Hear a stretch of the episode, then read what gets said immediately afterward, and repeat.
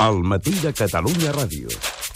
Obrim el lectoràlia. Mario Serra, bon dia. Bon dia, novament. Amb un llegit de 5 L's. Sí, senyor, un llegit molt especial que ens il·lustra el seu mateix autor amb els nens d'autògrafs. acabat, buscàvem dificultat, el vers més desitjat que mai no rejava. El romanço d'Anna Tirant. Sí, senyor, aquest és el darrer llibre del poeta Josep Pedrals. És un cinqueles per moltes raons, però, òbviament, és una obra molt peculiar que sobresurt dins d'unes apostes molt comercials de cara a Sant Jordi. Aquest és un llibre espornejant. És un llibre de poesia, però mm, diguem que és una novel·la, també. Mm, és una barreja, és un gènere nou que s'ha creat en Pedrals. És probablement un dels pocs poetes professionals del món. Diguem, publica un sonet diari en un diari i fa, fa les, eh, setmanalment les trobades de poetes al bar original, no? Eh, aleshores, ell ha agafat, després de publicar el Furgatori, que era el seu darrer llibre, i ha fet com una mena de ruta per tot Barcelona, eh, pels carrers i, en fi, amb, amb mapes inclosos, eh, el carrer de la Ser, el carrer de les Carretes, de Lleialtat, buscant, això sí, un diàleg entre el poeta Pedrals i el Quim Porta, que vindria a ser eh, un personatge que ell s'inventa i s'empesca per estar en diàleg amb ell, no? Eh, aleshores, aquí hi ha molts poemes d'art menor, eh, de romansos, hi ha tota una part de prosa, eh, a la recerca sempre d'itineraris, i hi ha l'Anna Tirant, eh, aquesta Anna Tirant, Sí. eh, aquest personatge, i és, seria una mena de poesia deambula- deambulatòria. És un festival de llengua, és un festival eh, realment en una època de gran desverbalització, és una veu molt particular, molt pròpia, una veu molt coneguda en la gent que sovinteja els eh, circuits, diguem, de recital, també els de música, aquest grup dels nens eutròfics que sona, diguem, està format al voltant del talent d'en Josep Pedrals, i aquí ens trobem, doncs, un llibre incalificable, eh, i per això eh, em nego a qualificar-lo, no? Però li poso aquestes cinc L's, no és prosa poètica, no és poesia narrativa, és Pedrals en estat pur, el vers que faltava és el que sonava i el romanç sudana tirant és aquell llibre que publica, com també va ser el Furgatori, a la Breu. Mots clau.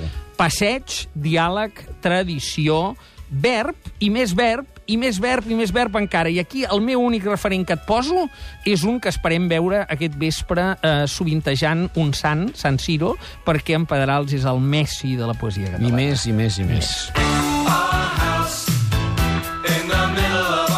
Baixem a les 4 L's, que no està malament, eh, mentre sona Warhouse de Madness. Sí, senyor. Això és per il·lustrar l'última novel·la que s'edita aquí, traduïda al català, d'Alan Bennett, amb una mà al davant i l'altra al darrere. Això en traducció de l'anglès al català per Elisabet Ràfols a Empúries i en castellà anagrama. Alan Bennett és un dramaturg, és un eh, senyor que fa molts guions per la BBC, eh, ve més aviat del món del teatre, però també té unes novel·les excepcionals. Aquí és conegut per una novel·la que eh, es deia una lectora poc corrent i que feia que la reina d'Anglaterra es tornava lectora de cop. Eh? Aquesta va tindre molt d'èxit.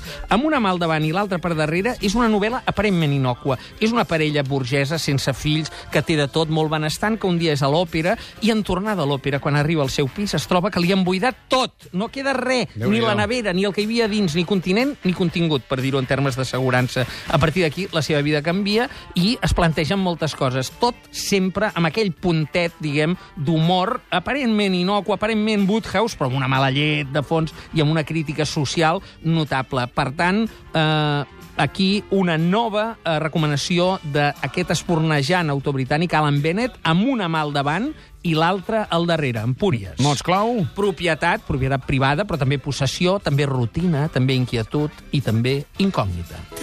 El fullejat l'il·lustra Núria Feliu.